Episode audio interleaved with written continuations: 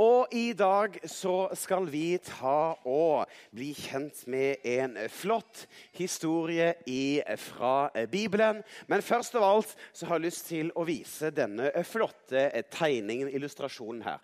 Nå er det kanskje litt vanskelig for deg som sitter helt bakerst, men jeg skal ta og hjelpe deg litt underveis. For her kan vi se at det går en strek ned her, så alt på denne sida her, det heter Det gamle testamentet. Si det. Én, to, tre. Og alt på denne sida her heter da Det nye testamentet. Én, to, tre. Og her ser vi altså de første menneskene på jorda. De heter én, to, tre Det var ikke alle voksne som visste det. Men de første menneskene på jorda heter det altså Adam og Eva. Og rett etter Adam og Eva så kommer da en mann som står der i gul frakke, som heter da Noah. Etter Noah så kommer da Abraham, Isak og Jakob og en med en flott fargerik kjortel som heter Josef.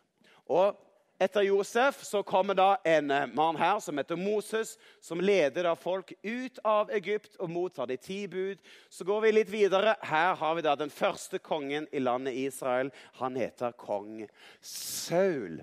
Og etter kong Saul så ser vi her en med en rød kappe. Han eh, var en gjetergutt. Og denne gjetergutten etter hvert så slåss han mot en stor kjempe som heter Goliat. Og derfor så heter da denne kongen kong David. Så går vi her til noen profeter. Her Her står det en og koser på en løve, så da heter han Daniel. Her ser vi da Maria og Josef på vei til stallen i Betlehem og Jesus blir født. Så Her har vi da Jesus som voksen. Jesus levde ikke på jorda her i Det gamle testamentet. Det var først her i Det nye testamentet. Og her står han sammen med sine tolv disipler, altså sine nærmeste venner. Jesus han døde på et kors og sto opp igjen, og han for da opp til himmelen. I dag så skal vi altså til Det gamle testamentet. Og jeg tror på Bibelen! Eh, Bibelen er Guds ord. Den forteller meg om Gud og hva som er rett. Og jeg trenger litt hjelp. Jeg trenger hjelp av en gutt som har lyst til å komme fram her og hjelpe meg lite grann. Skal vi se Jeg må bare se utover salen. Skal vi se her Der! Kan du få lov å komme fram? Yes. Vi klapper han fram. Da skal du få lov til å hjelpe meg her. Du skal få lov å stå her. Du, jeg lurer på, Er pappaen din her i dag? Hvor er pappaen din? Ja, han rekker opp hånda, han òg! Ja, men vi klapper han òg fram! Ja, kjempebra! Ja, men så koselig at du hadde lyst til å komme hit. Det var bra. Ja. ja. Det er ikke noe skummelt, det her. Det, nei, nei, nei. Det, det, ja, går, du er ikke redd for det? Nei. nei, men det er fint. Eh, Bibelen eh, forteller da om en liten, ung gutt som eh, heter Samuel. Og Samuel han bodde da i tempelet sammen med presten Eli. Så her har vi da presten Eli. Og en dag så skjedde det noe veldig spesielt. Fordi at det begynte å bli sent på kvelden, og eh, Eli han gikk for å legge seg. Og det gjorde òg Samuel.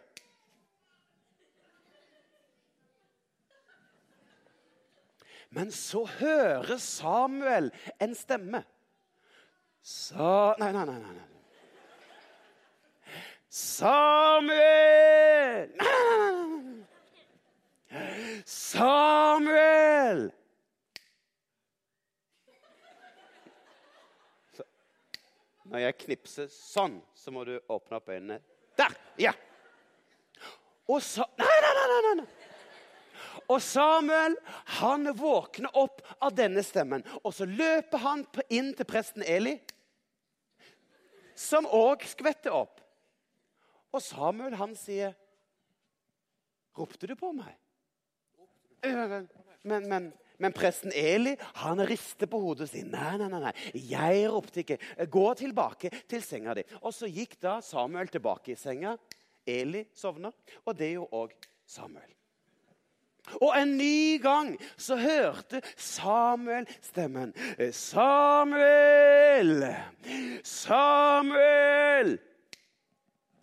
Samuel våkna, løp inn til presten Eli, som òg våkner og sier, 'Her er jeg.' Ropte du på meg?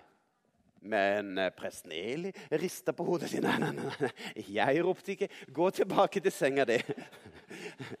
Og Eli sovna, og det er jo òg Samuel. Og en tredje gang så hørte da Samuel denne stemmen. Samuel Nei, nå var dere inne. Samuel! Samuel! Samuel våkner og løp inn til presten Eli, som òg skvetter opp. Og Samuel sier, 'Her er jeg.' Ropte du på meg? Men presten Eli Nei, nei, nei. nei, nei. Da skjønte plutselig Eli at det var Gud som ropte på Samuel. Og Derfor så sier da presten Eli at neste gang du hører den stemmen, så skal du si Tal, Herre, din tjener hører. Og så gikk Samuel tilbake i senga si og sovna. Og det gjorde òg presten Eli. Og en fjerde gang så kan man høre stemmen. Samuel! Samuel! Samuel skvetter opp. Og denne gangen så sier da Samuel Tal, Herre, din tjener hører. Og ifra den dagen så talte Gud ofte til denne unge gutten Samuel, som vokste, opp i tempelet. Og Samuel han ble eldre og eldre, og han ble en viktig puslespillbrikke i Guds rike. Han fikk lov til å bety en stor forskjell for dette landet Israel.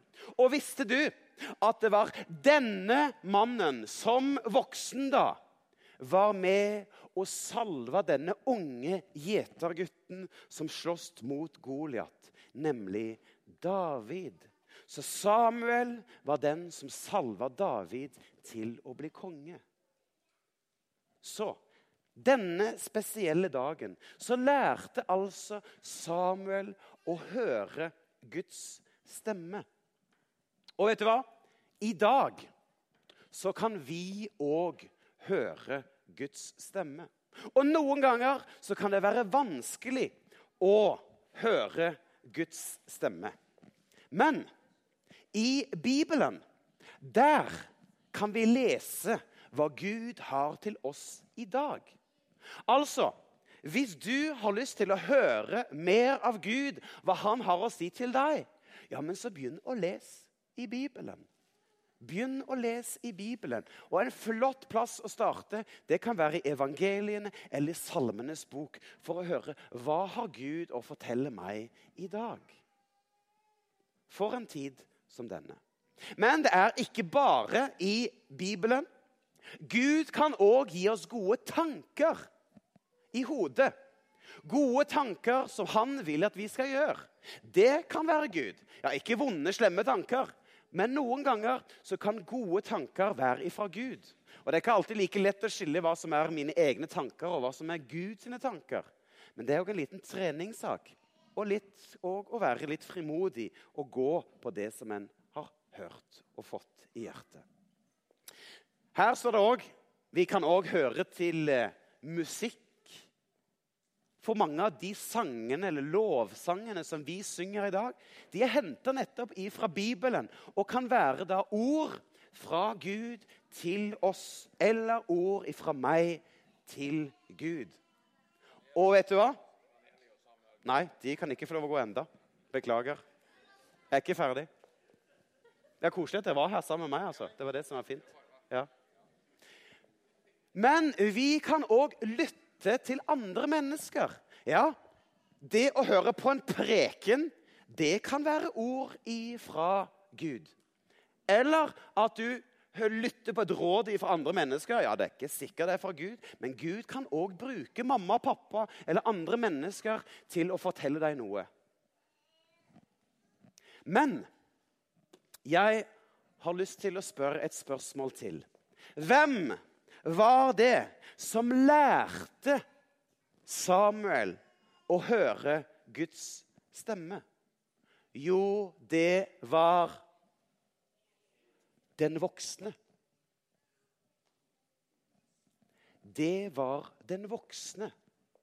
Og der har du og jeg som er voksenpersoner inn i barns liv, vi har en spesiell oppgave med å lære barna opp i den kristne tro og hjelpe dem på veien. Så du som er bestefar, du som er bestemor, oldemor eller oldefar eller mamma og pappa, du kan være med og hjelpe den yngre generasjon, slik at de kan bli glad i å høre i Bibelen. Lese i Bibelen. Være glad i å høre når Guds ord forkynnes. Så du har en spesiell oppgave. Vi klapper for flotte skuespillere. Kan dere få lov å sette dere? Og jeg vil at du skal ta med denne utfordringen. At det er den voksnes oppgave jo, kirka og forsamlingen skal være med og hjelpe barna til å bli glad i Bibelen og Guds ord. Men det er de voksne som har den mest og største påvirkningen. Moses fikk befaling at du skal gjenta disse bud og regler når du sitter hjemme, når du går på veien. Så derfor, du som er voksen person, ta med dette budskapet. At du har en særdeles viktig oppgave for å hjelpe de unge på veien. Jesus, vi takker deg for denne historien her som minner oss om viktigheten av at vi som voksenpersoner tar ansvar. Hjelp oss til å lede barna nærmere deg. Gi oss både mot og frimodighet til å ta det ansvaret. I Jesu navn.